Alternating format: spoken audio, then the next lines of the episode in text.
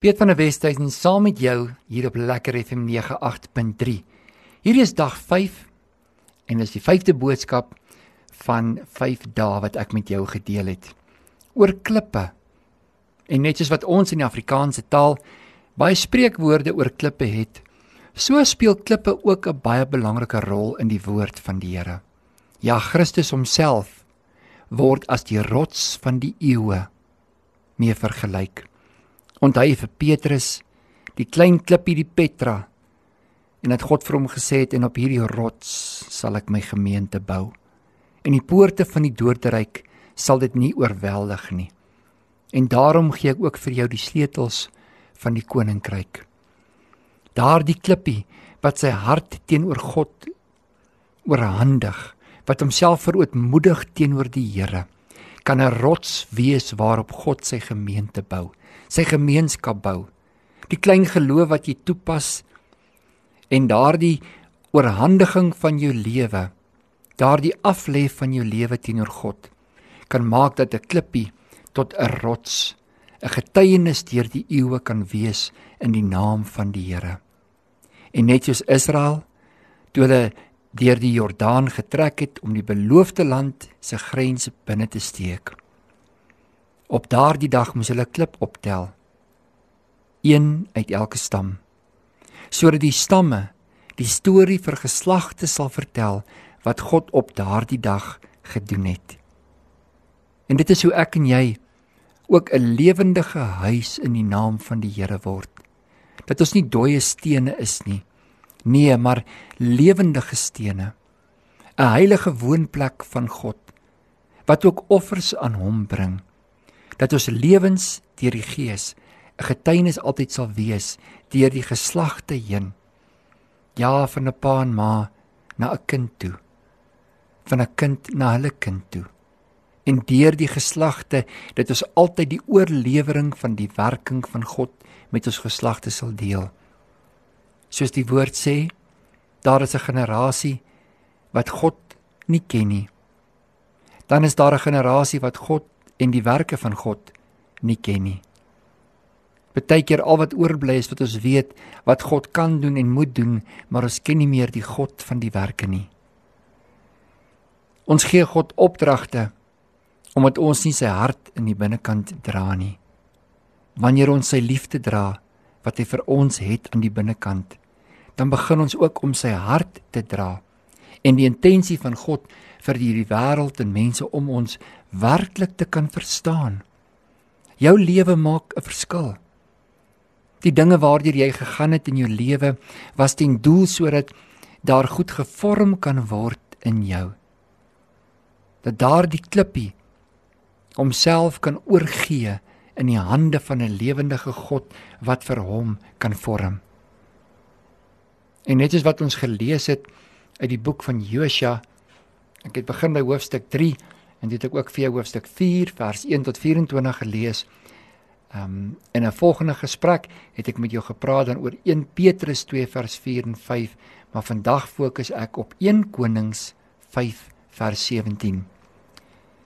Ons behoort 'n lewendige tempel te wees omdat ons die getuienisdraers is van God.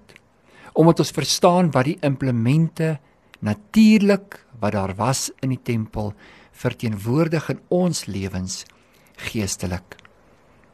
Ja, die tent se deur van samekoms om daar by hom te kan inloop. Die koper waskom.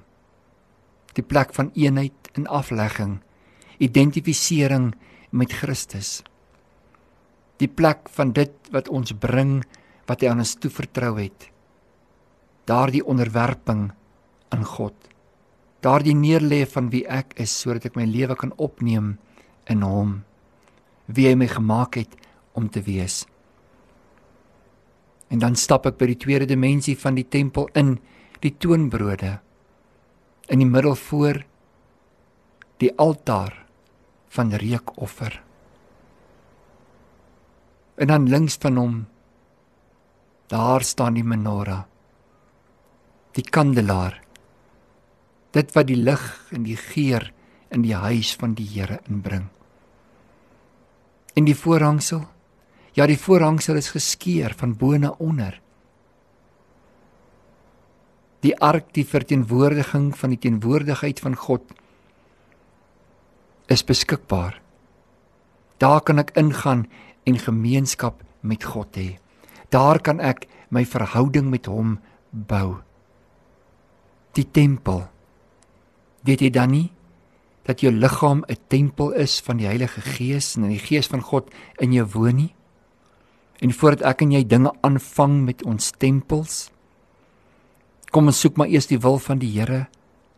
Kom ons hoor by hom wat hy met ons tempel wil doen en wat hy in ons tempel verteenwoordigend wil hê sodat ons aan hom geestelike offers kan bring. Die natuurlike gaan die geestelike vooraf. Ons liggame wys maar wat en wie ons aanbid. Dit verklap die gewoontes van ons lewens. Al praat ons een ding, dan wys dit maar eintlik 'n ander. So is ook die tempel van die Here. En wanneer ek en jy daardie lewendige steen word in die naam in die teenwoordigheid van die Here, dan spreek dit ook vir homself. Net soos wat ek en jy sien in 1 Konings 5 vers 17 waar Salomo die tempel herbou het. En die koning het bevel gegee en hulle het gebring drie tipe klippe. Groot klippe Volgende een is dierklippe en dan klippe gekap om die fondasie van die huis te lê. Vers 18. En die bouers van Salomo en die bouers van Hiram het dit gekap en die klipbrekers en hulle het hout en klippe gereed gemaak om die huis te bou. Baie interessant dat daar was geen geluid van 'n klipgekappery gehoor daar waar die klippe aan mekaar geplaas was nie. Hulle was by die steenmakery gevorm. Daar waar die stene hulle vorm kry, die grootte kry, die afwerking kry wat hulle nodig het. En soms voel dit vir jou dat jou lewe geen doel het nie, dat jy in 'n steenmakery is en al wat jy beleef is pyn en jy verstaan nie hoekom hierdie hoekie afgekap word nie en hoekom daar gevuil word hier aan jou en hoekom jy kleiner is as daardie steen en hoekom hierdie steen groter moet wees as jy en hoekom hierdie een meer blink as wat jy blink. Maar daar is 'n spesifieke plek vir jou.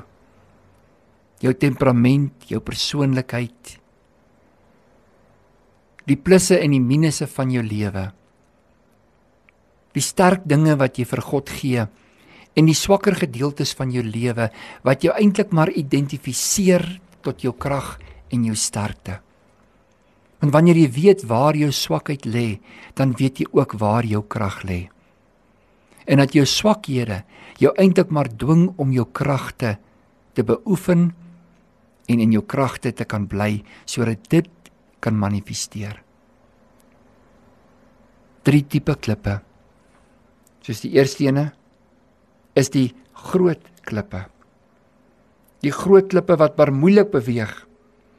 'n Ander beskrywing van die woord groot in die Hebreëus is is puikklippe. Groot in omvang, in getal en intensiteit, is hard in klank, is ouer, kan dalk in belangrikheid wees groot vooraanstaande 'n klip wat belangrike dinge aan die binnekant hou. Ja, daardie groot klippe is selfs hoe die karakter van God en en hoe die integriteit van God in my in jou lewe ingebou is. Dat dit wat ons dra groot inhoud kan kan hê en groot inhoud kan wees dat die kapasiteit wat ek en jy van God het al so vergroot is in die lewe deur die verskillende dinge wat met my en jou gebeur dat ons meer ruimte vir God geskep het. Minder van myself meer vir u. Ja Here as ek 'n groter klip moet wees seer sekerlik moet ek meer neer lê as wat die normale mens neer lê ek moet meer gewig kan dra Ek moet 'n groter oppervlakte kan vol staan. Ek het U nodig om dit te kan doen, Here. To him who much is given, much is required. Terwyl die ander klein klippie 'n plek kan vul tot eer van u naam in u huis. So het u my dalk geroep om 'n groot boulder te wees. En dat ek hierdie grootheid tot eer en lof in u naam sal dra. Dan was daar dierklippe. Waardevolle klippe. Prysenswaardige klippe. Hulle was gewigtig, hulle was kosbaar, hulle was skaars, hulle was pragtig. Jy wonder baie keer hoekom is jy deur dinge waardeur ander mense nie hoef te gaan nie. Hoekom is jou pyn so diep gewees het? Hoekom is jou verwerping so intens gewees het? Daar's 'n kosbaarheid wat gebeur wanneer jy daardie dinge na God toe neem en wanneer sy liefde oor jou kom.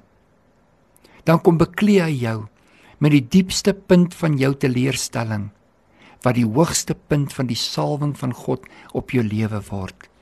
Daar waar jy die meeste gebloei het, dis daar waar die put in die fontein van die olie verder uitborrel. Dit is diep. Dis mooi. Dis pragtig.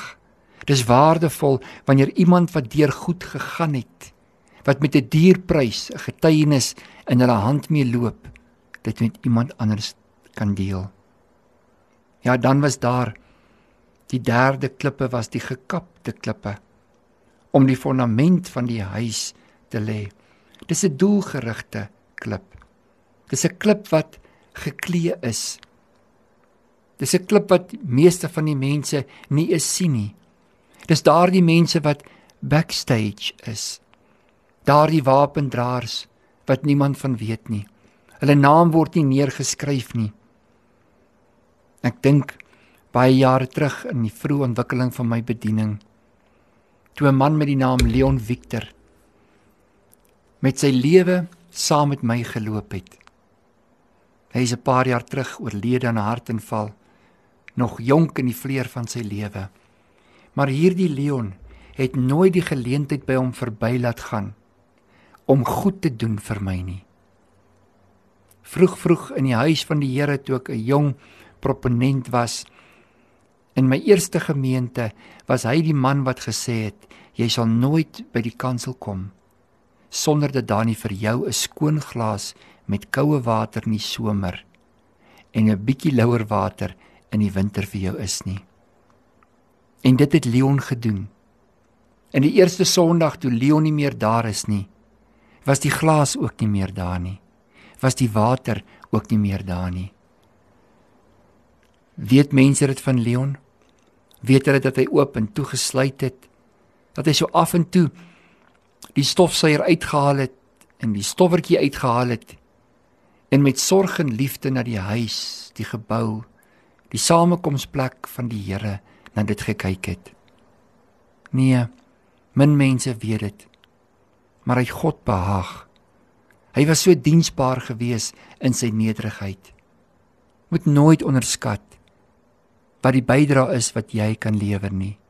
Jy's nou nie dalk die een wat met preek of voorsing of iemand is wat 'n aanbieding moet doen nie. Maar dit maak jou nie minder belangrik nie. Jy's 'n klip gekap na die beeld en die gelykenis van God. En in daardie gekap by daardie steenmakery, daar waar jy gevorm was in jou lewe, daar het God ook waardevolheid in jou ingebou. Jy is ook so kosbaar vir hom. Jy is 'n lewende steen met kosbarehede van die teenwoordigheid van God wat getuig teen omstandighede en ondervindinge wat jy gehad het tot redding en vrymaking vir al die ander mense wat om jou elke dag so lewe. Jy is kosbaar vir God. Jy is kosbaar vir my. Jy is kosbaar vir die ander mense wat om jou elke dag ook kan asemhaal omdat jy lewe. Jy is 'n bemoedigende woord. Jy is 'n hoop en hopeloosheid. Jy is die een wat sê jou lewe het kosbare waarde in 'n atmosfeer van waardeloosheid. Ja, jy is die seun, jy is die dogter van God, gevorm na sy beeld in sy gelykenis. Jy is en dit bid ek vir jou in Jesus naam. Amen.